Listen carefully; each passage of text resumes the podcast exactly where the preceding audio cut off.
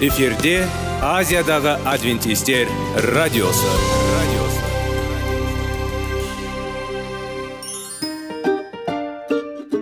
сәлем достар. Денсаулық өмір бұлағы және біздің бірінші байлығымыз демекші денсаулық сағаты рубрикасына қош келдіңіздер. Бір кісінің ауырғанын айтқысы келмесе де ол онсыз да көрініп түсінікті болады. Өйткені ауырғанда жанымыз қиналғаны кейде соншалық сол үшін дәрі алуға қарағанда мұның бәрін алдын ала алу жақсы емес пе? Біздің рубрикада біз әртүрлі факторларменен мәліметтерменен кеңестерменен бөлісіп шын жүректен сіздердің дендеріңіз сау болғанын қалаймыз. Сол үшін біздің рубрикаға қош келдіңіздер. Дайындалып тұрыңыздар. Өйткені келесі минуттарда қызықты фактілерге ие боласыздар. Енді достар ең бірінші байлығымызды қолымызға алып алға кеттік. Бізбенен болыңыздар.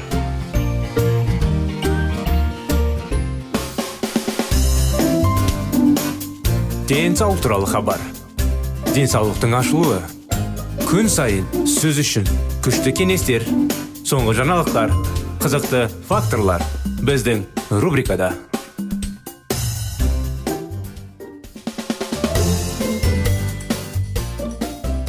Тазалық саулық негізі саулық байлық негізі. Жеңіл барып ауыр қайт аман барып сау қайт демекші. Осындай мақал мәтелдермен ары қарай сіздермен бастағымыз келеді бағдарламамызды. Сәлеметсіздер ме ассалаумағалейкум дейміз құрметті біздің радио тыңдаушыларымыз біздің құрметті достар. Сіздерменен бірге денсаулық сағат бағдарламасы.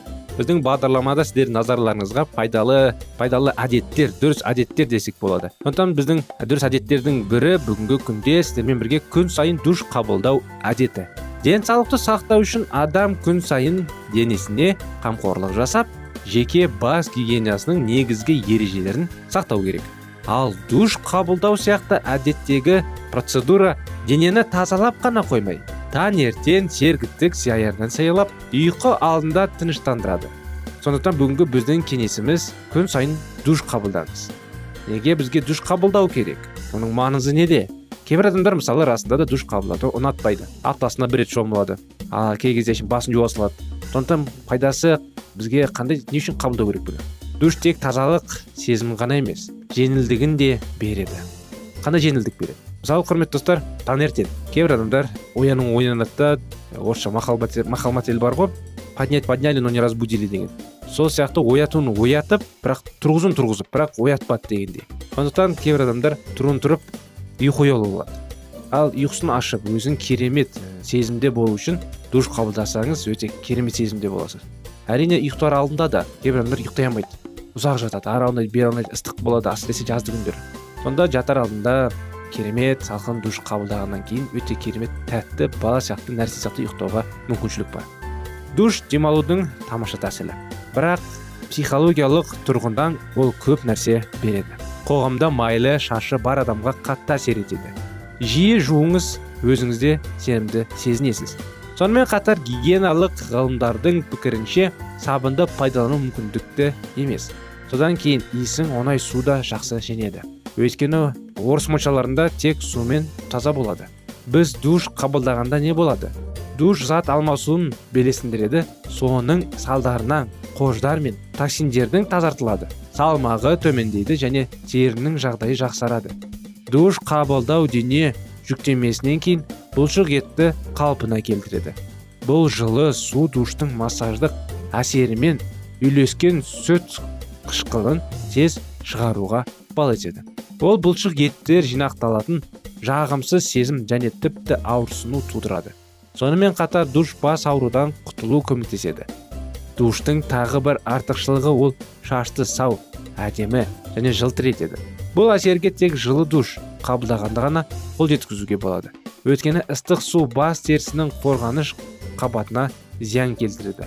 Ал суық ластануды толығымен жою мүмкін емес. Біз жиі душ қабылдауға емес егер қабылдамасақ не болады? бір апта ішінде адам терісінен 200 грамм май және 3-7 литр тер бөлінеді. Елестетіп көріңіздерші осындай анықтаманы. Мұның бәрін үнемі жуып отыру керек. Әйтпесе терінің қорғаныс қасиеттері бұзылады және ол микробтар мен паразиттердің көштеріне айналады. Сол кезде әрине жиі шомылмай жумбай біз таң қаламыз. Денемде безе жақтан қайдан болады? Неге сызауықтар денемде көбейіп кетеді деп біріншіктер дейді ғой айтқанда жай таза тері өзін өзі қорғауға қабілетті. Лас бұл қабілетті жоғалтады. Не істеу керек. Қандай әсіл тәсіл қандай әрекет жасау керек. Шын мәнінде қашан және қанша адам жуылу керек нақты ереже жоқ. Барлығы оның өмір салтына климатына және анатомиялық ерекшелеріне байланысты. Дене белсенділігі көп болса жиі жуу керек. Жалпы жылы қысқа емес душ күніне бір рет немесе екі гельдер мен шампуньдер қолданбай денеге гигиенасын сақтап алады. Алайда ваннаны қабылдау моншаға бару немесе душ қабылдау онда сабын мен жөке қолданып аптасына бір ретіне кем емес қажет. Егер сіз әлі де гигиеналық құралдармен душ қабылдағыңыз келсе теріні құрғатпайтын тұндырғыш құралдарының пайдалану ұсынылады.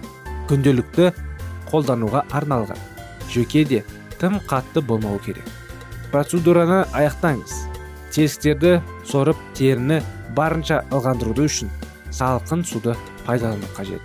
Душтан кейін терге нәрелендіретін керемет жағыңыз. Салқын су дегенде ол енді контрастный душ дейді ол жайлы біз басқа тақырыптарда оны ол жайлы керемет қылып сіздерге жеткізуге бұл анықтаманы да тырысамыз. Бірақ қазір кішігірім айта кетейін. Контрастный душ үш минут бойы ыстық суға жақсылап денеңізді шайсаңыз енді шыда, шыда, шыдалатындай дене шыдалатындай қатты ыстық қылып қоймаңыз денеңіз күйдіре алмайтын. Күйдіріп қойсаңыз біздің бағдарламада бағана денемді күйдіріп алдым деп масқара болып сол үшін алдындағы бағдарламадағындай айтқандай шет шетке қатты кет қалмаңыз сондықтан дұрыс түсініңіздер. Дене шыдай алатындай ыстық сумен үш минут тұрып кейін 30 секунд салқын сумен. Солай үш мәрте істеңіз. Үш минут ыстық су 30 секунд салқын су. Үш минут ыстық су 30 секунд салқын су. Сондай үш минут істесеңіз үш рет аяғында салқын сумен аяқтаңыз. Сол кезде денеңіз керемет болып иммунитетіңіз көтеріледі және де денеңіз өзіңізді керемет сезінесіз денсаулықты сақтау үшін денеңізге таза ұстау маңызды бұл туралы ұмытпаңыз және душ қабылдау сіз үшін ең жағымды сәттердің бірі болсын құрметті достар душ қабылдау мүмкіншілік жоқ болса ең болмаса мен есімде кішкентай кезімде кей кезде су өшіріп жеу өшірген кездер болғанда кастрюльге су қайнатып оны салқын сумен араластырып далаға шығып күн жылы кезінде далада ғана шайынатынбыз сондықтан осы мүмкіншіліктерді тастамаңыздар құрметті достар. Өз өзімізді ағзамызға қарап жүрейік. Және де артық керек емес жағымсыз иістерден де аулақ болады денеміз. Сіздерге денсаулық тілейміз құрметті достар. Өздеріңізге жанұяларыңызға да осымен бағдарламамыз аяғына келді. Келесі бағдарламаға дейін сау болыңыздар.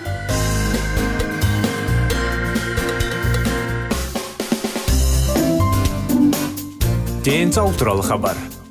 Денсаулықтың ашылуы. Күн сайын сөз үшін күшті кеңестер. Соңғы жаңалықтар. Қызықты факторлар біздің рубрикада.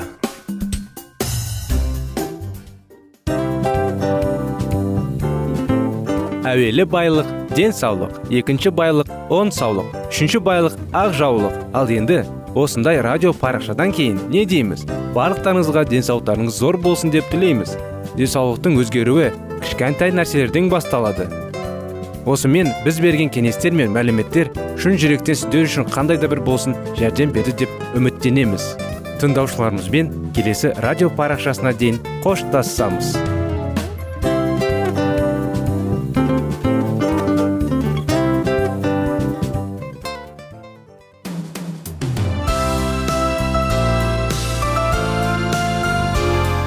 эфирде азиядағы адвентистер радиосы радиосы.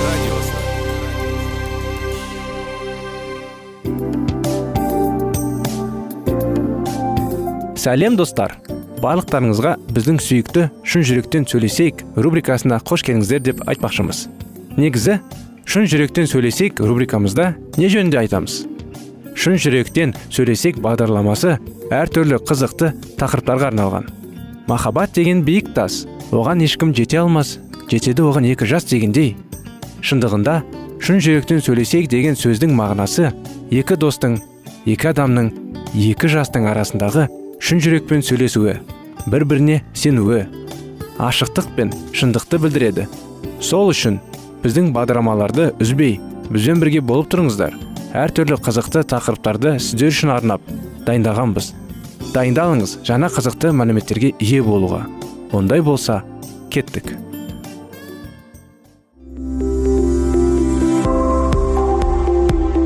Алтын сөздер. Сырласу. Қарым қатынас жайлы кеңестер мен қызықты тақырыптар. Шын жүректен сөйлесейік рубрикасында.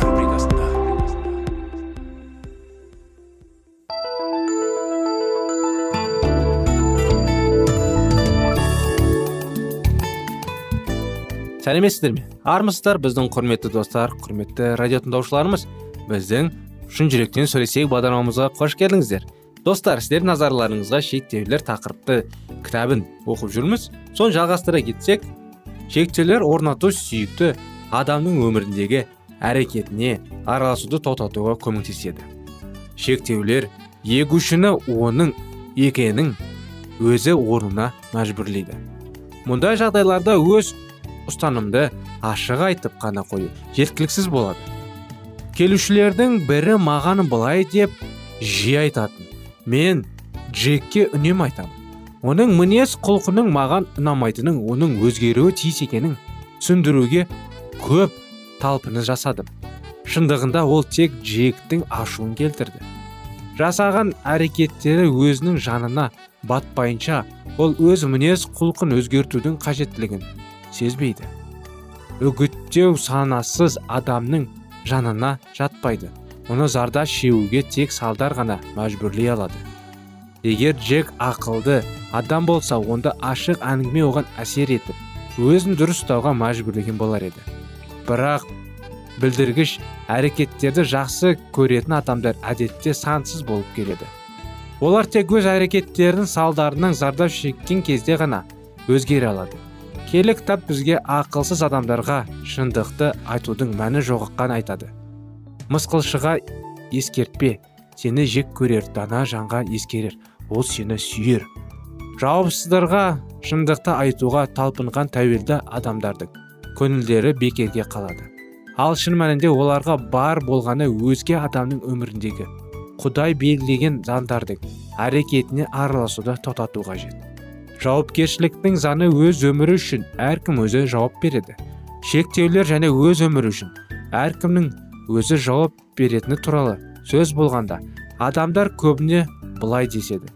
Бұл барып тұрған өзімшілдік. Біз өзімізден бас тартып бір бірімізді сүюге тиіспіз жауапкершілік туралы заңда әңгіме өзгелерге деген сүйіспеншілік жайында болады. Сүйіспеншілік туралы өсиет бұл мәсіхшілер үшін басты өсиет. Иса бұл өсиетті өзімдік деп атады. Өзіңді қалай сүйесің маңайыңдағы адамды да солай сүй. Өзгелерді жақсы көруді қалмаған кездеріңізде. Олар арқылы сіз өзіңіз үшін жауапкершілікті өз мойныңызға алудан бас тартасыз. Сіз өз жүрегіңізге ие болудан бас тартасыз. Біз бір бірімізді орнымызда болуға емес бір бірімізді сүюге тиіспіз. Мен сіздің сезімдеріңізді сіз сіз үшін сезіне алмаймын. Кен сіз үшін ойлай алмаймын. Мен сіздің орныңызға дәл сіз секілді әрекет жасай алмаймын. Мен шектеулерді орнатудан болатын көңіл қалушыңызды сіз үшін басымнан әткере алмаймын. Бір сөзбен айтқанда мен сіз үшін өсе алмаймын. Оны тек сізді өзіңіз ғана істей аласыз. Сол секілді сіз де мен үшін өсе алмайсыз. Біздің жеке рухани өсуіміз жайында келі кітап әр қайсымызға мынандай талап қояды. Құтқаруларына сай іс әрекет жасап соны толығымен жүзеге асыруға ұмтылыңдар. Әр құдайды терең қастерлеп оған ұнамайтын нәрселерден қатты жеркеніңдер. Себебі өзіне ұнайтын істерді қалап жүзеге асыруларына түртікі бойынша құдай. Әрқайсымыз өзіміз үшін жауаптымыз. Келі кітапта бұған қосымша адамдардың бізге қалай қарағанын қаласақ оларға біз де солай қарауымыз керектігі айтылады. Егер біз ауыр үмітсіз жағдайға тап болсақ онда бізге сөзбен де іс жүзінде де көмектің қажеті болар сөзсіз. Осы жағдай біздің айналамыздағы адамдарға да қатысты. Бұл адамдар алдыңдағы жауапкершілік деп аталатын ұстанымның аса маңызды жағы болады. Бұл ұстанымның басқа бір қыры көмектесіп қана қоймай өзгелердің жауапсыз бүлдіруші әрекеттеріне шектеулер қоя білуде. Егер біреуді күнәсінің салдарынан құтқаратын болсаң онда сіз дұрыс істемейсіз нәтижесінде құтқарған үстіне құтқара беруіңізге тура келеді. Себебі сіз оған осы үлгіні бекітіп бердіңіз. Әңгіме бала тәрбиесі жайлы болғанда да дәл осы ұстаным әрекет етеді. Шектеулер орнатпау зиянды. Бұл сөз қарым қатынас жасайтын адамдарды өлімге апарады. Егер адам мұқтаж болса оған біреуіңіз бірақ күнәға кедергі қойыңыз керекті туралы. Ой келі кітаптың бүкіл өн бойында жатыр. Сіздің шекаралар орналауыңызға да дәл осы көмектеседі. Биліктің заңы. Сіз өзге адамдарды өзгерте алмайсыз. Егер мен әлсіз болсам онда қандай жолмен жауапты бола аламын жалпы менің не нәрсеге билігім бар? Киелі кітап адамдарды өздерін моральдық жағынан дәрменсіз деп табуға үйретеді. Маскүнемдер маскүнемділікпен күресетті өздеріңіз әлсіз екендерін ұстанымдылық жасауға шарасыз екендерін мойындайды. Бұл паулдың айтқан сөздеріне қатты ұқсайды. Не істеп жүргенімді өзімде түсінбеймін. Қалағанымды емес керісінше жек көретінді істеп жүрмін. Осылай мен қалаған игілікті емес қаламайтын жамандықты жасаймын. Іштей құдай заңына ризамын. Бірақ бойымда басқа бір заңдылықтың да бір бар екенін байқаймын. Ол ақыл ойым қалайтын жақсылыққа қарсы шығып мені бойымдағы күнәлі құмарлыққа кіріптар етеді. Әлсіздік дегеніміз де осы. Жохан бәрімізден де осындай жағдайда екенімізді де және олай емес дегенімізді өтірікші екенін айтады. Тамырланып қалған тәни және рухани әдеттерімізді жеңуге жеткілікті күшіңіз болмаса да сіздің жеңістік жемісін кеңірек әкелетін кейбір нәрселерді атқара алатын шамаңыз бар. Әрине әрқайсымызда шамамыз бар. Мінекей құрметті достар осымен бағдарламамыз аяғына келді. Біздің бағдарламада бізбен бірге болғандарыңызға біз қуаныштымыз.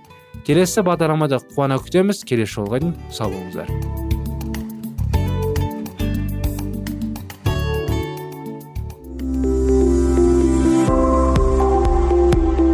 Алтын сөздер. Сырласу қарым қатынас жайлы кеңестер мен қызықты тақырыптар. Шын жүректен сөйлесейік рубрикасында.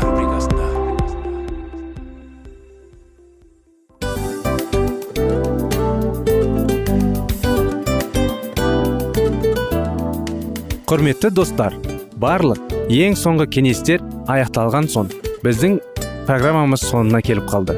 Осы біздің мәліметтер осы рубрикада айтылған әрбір сөздер сіздерге өзінің қандай да бір пайдасын алып келді деп шын жүректен сенеміз. Және бұдан да көптеген рубрикаларымыз бар. Басқа рубрикаларымызда біздің зерттеулерімізде сіздер үшін тағы да қызықты мәліметтер дайын. Біздің шын жүректен сөйлесейік парақшамызда көптеген әдістер ең соңғы кеңестер адамның нравственность жақтан моральдық жақтан тазалап байыта тұрған соңғы кеңестердің барлығын жанарады. сондықтан алдыңғы күндерде бізбен бірге болыңыздар. Өйткені барлық қызықтар алдыда. Бізбенен бірге болғандарыңызға үлкен рахмет. Келесі кездескенімізше сау сәлемет болыңыздар.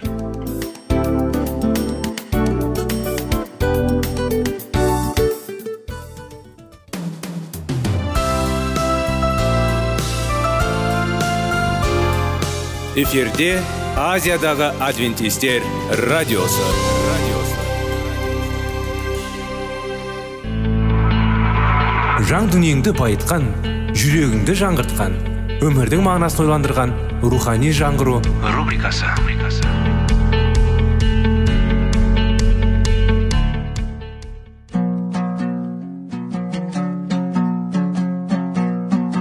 Ассалаумағалейкум біздің тыңдаушыларымыз келі кітаптың шындығын ашып берген қысқа бағдарламасына қош келдіңіздер. Барлығынан жоғары жаратушы біздің қарыңғылықта жалғыз қалдырып қойған емес. Өйткені ол келешекте не болу керек екенін киелі кітаптың парақтарында ашып береді. Немесе келіңіздер бізге қосылыңыздар. Жаратушы бізге нен ашып бергенін зерттейміз. Сәлеметсіздер ме құрметті тыңдаушыларымыз? Біздің құрметті достарымыз. Мінекей біздің рухани жаңғыру бағдарламасына қош келіпсіздер. Рухани бағдарламасында әрдайым жаңағы рухани біз тақырыптарды талдаймыз. Рухани жайлы жаңағы тақырыптарды кеңестерін сіздерге бере аламыз. Әрине диалогтар жүргіземіз сондықтан сіздерге қош келіпсіз деп айтпақшымыз. Сонымен жақында біз бастаған жаңа тақырыбымыз жаратушыға апаратын жол деген кітапты бастадық біз. Кейін біразын өтіп жаңағы соңғы тақырыпта біз күнә біз күнәлі өмірде өмір сүргендіктен күнә біздің бойымызда болғандықтан әрине күнәкар құтқарушыны қажет етеді деген тақырыпты айтып соңында соған жеткен едік та сонымен жалғасында былай айтсақ. Құтқарушы болай деген. Кімде кім қайтадан туылмаса немесе адам өзін жаңа өмірге алып баратын жан жүрек жана тілек жана мақсаттар мен талпыныстарда бойынша жинақтай балмаса онда он құдайдың патшалығын кіре алмайды дейді. Естіп отырсыздар ғой кімде кім жаңадан туылмаса қалай енді рухани туылмаса сол енді терең қателеде қасиеттеріне дайым керек деп құдайдың патшалығына кіре алмайды дейді. Адам өз бойындағы тауып біткен табиғат қасиеттерін ғана дамыту керек деп есептегендер терең қателеседі өз еркімен жүретін адам құдай рухынан келгенінді қабылдамайды. Соны түсіне алмай анықтында деп санайды. Ақымақтық деп санайды. Себебі оның рухани тұрғында бағалау керек. Менің қайтадан таулығы тиісіңдер дегенме таңдама. Иса туралы былай деп жазылған. Сөз өмірдің бастауы болған. Сол өмір адамзат үшін нұр еді. Исадан басқа ешкім де бізді құтқара алмайды. Аспан аспанда бізді құтқаратын басқа біреудің есімі адамдарға бұйырмаған. Адам құдайдың жанашырлығын мейірбандылығын оның жомарттығы мен әкелік мейірімін жете түсінегені оның дана да әділ заңының мәңгілік сүйіспеншілікке негізілгенін ішкі жан дүниесімен түсінетіні жақсы. Бірақ мұның өзі де жеткіліксіз.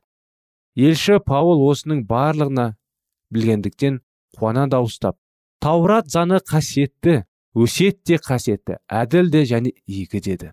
Бұдан әрі елші ашынған күймен жан дүниесі күйінде отырып туғанда былай деді. Мен пенде ретінде күнәқар құмарлықтардың құлдығындамын дейді ал өзім қаламайтын құлдықтарды істегендіктен таурат заңның иегі екіндегі іштей мойындаймын. Ол жаны таза ірі тақуа болу артады осындай жоғары қасиеттерге өздігінен өз күшпен қол жеткізе алмайтынын білгендіктен жылынышты түрде былай деп өтініш айтты. Сорлы басым ай өлім әкелетін күнәлі тәніммен мені кім құтқара алады? Күнәні аурусына жүректердің осындай өксігі барлық жерлерде әр уақыттарда естілім жатты. Солардың барлығына бір ғана жауап берілген. Мынау құдайдың құрбандыққа жіберген тоқтысы ол адамзаттың күнәсін өз мойнына артып сол үшін жанын қияды құдайдың рухы айып жүгіннен босанғысы келгендерге бұл шындықта айқын түрсе жеткізу үшін көптеген кейіптер мен үлгілерді пайдаланылады. Жақып есуада алдап күнәға жат батып туған тауған үйіне қашқанда ол өз айыбында ауырлығын сезгендіктен екі иығы төмен салбырап ұнжырғысы түсіп кетеді. Үйсіз күйсіз жалғастықтан қала барлық қымбат нәрселерінің айырылғанынан уайым жеп мазасып кетті. Бәрінен бұрын оның санасына өзінің жасаған күнәсі өзін құдайдың ажыратып аспанда да шешеді деген ой жақты қатты мазалады. Қайғыдан еңсесін ауыр жүк басқан жақып демалып болып тақыр жерге жантия кетеді. Оның айналасындағы елсіз жатқан ен далада әрелдік тұрған төбештері аспандағы жымың қышаққан сансыз жұлдыздар өзінің жалғыз емістігіне куә болғандай көзі ілініп кеткен екен түс көріпті. Түсінде таңға жайып жарық және жалпжаттау келген бас балықтардың бұлыңғыр кесектерінде өзі жатқан жерден жоғары қарай көтеріліп аспан әлеміне қарай бой түсіпті ал осы баспалдықтардың бойымен құдайдың періштелері аспаннан жерге түсіп жерден аспанға көтеріліп жүр екен. Нұрлы жарық сәулесі шығып тұрған жоғары жатқан құдайдың жұбатып үмітіндегі сөздерді естіле тұрды. Жақыпқа өзінің қажеті өтетін және ашыққан жаның тойындыратын құтқарушы осылайша жану жазалық екен. Жақып өзі сияқты күнәлардың құдаймен тілдесу қалпына келтіріп жолды көргеніне қатты қуанып ризашылық сезімге бөлінді. Жақыптың түсінде көрген құпия баспалындағы құдай мен адамның арасындағы дәнкер жалғыз келістіруші иса мәсіхтің жанына сипат етеді. Иса өзінің натандайлмен әңгімелесінде сол жанама сипатқа мінезі отырып былай дейді. Бұдан былай көктің ашылғанын көресіңдер. Сонда құдайдың періштелері аспанға көтеріліп және құдай тағайындаған билеуші маған түсіп келіп тұратын болады. Адам күнә жасап құдайдың алыстап бастады. Аспан мен жердің байланысы үзілді. Екі ортада пайда болған шыңыру тілдесім мүмкіншілігі жоққа шығарды. Исаның арқасында аспан мен жер қайтадан жалғасты. Иса өз қызметінің арқасында күнәнің шынарлы арқылы көпір қызметтерінің арқасында күнәнің шындыруында арқылы көпір салды. Енді періштелер періштелер адамдармен тілдескім келіп оларға қызметте ете алатын болды. Иса мәсіх күнәқар адамның елсіздігі мен шарасындағы шексіз күшті бұлағымен жалғастырады. Мінекей достар әрине құдай әрдайым бізге өзінің мейірімділігін береді. Әрдайым бізге сүйіспеншілігін төгеді. Әрдайым енді бізді күнәқар бойымыздан тазалап босатқысы кеп біз әрдайым енді күнәқар өмірде болған соң алданып қаламыз. Құдай біз үшін жүрегі ауырып біз үшін жаны ашиды. Сондықтан ойланып көрейік өмірдің мәні құдайға апаратын жол қандай жол екен? Бұл дұрыс жол ма дұрыс емес жол ма деп. Әрине шешім сізде. Біз сіздерді қинай алмаймыз. Құдайды сіздер қабылдаңыздар деп оның кешірімін қабылдаңыздар адам өз жүрегімен оны сезіп өз жүрегімен қабылдау керек. Әрине құтқарылым бар. Иса мәсіх арқасында. Оны біз өзіміздің құтқаруымызды қабылдауымыз керек. Мінекей достар сонымен бүгінгі бағдарламамыздың аяғына келді. Келесі бағдарламаның тақырыбымыз жалғасы келесі жолы болады. Сау саламатта болыңыздар. Рахмет.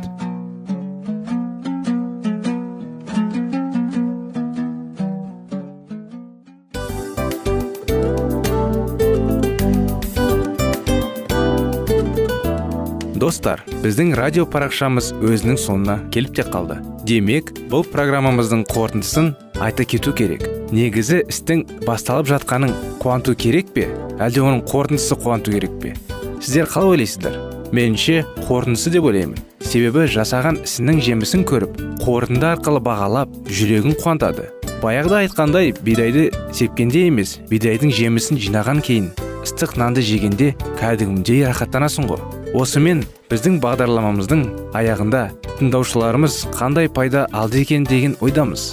Егерде өткен сфераларда пайдалы кеңес алған болсаңыз біз өзіміздің мақсатымызға жеткеніміз. Бүгінгі 24 сағаттың алтындай жарты сағатын бізге бөліп ардағаныңыз үшін рахмет. Келесі кездескенімізше қош сау болыңыздар. Достар біздің базарма бойынша сұрақтарыңыз болса әрине сіздерге керекті анықтама керек болса біздің whatsapp нөмірімізге хабарлассаңыздар болады. Плюс бір үш жүз бір жеті жүз алпыс алпыс жетпіс.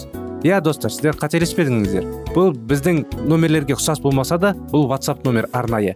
Хабарласыңыздар сұрақтарыңызды қойып тұрыңыздар. Анықтаманы алып тұрыңыздар. Плюс бір үш жүз бір жеті жүз алпыс алпыс жетпіс номері.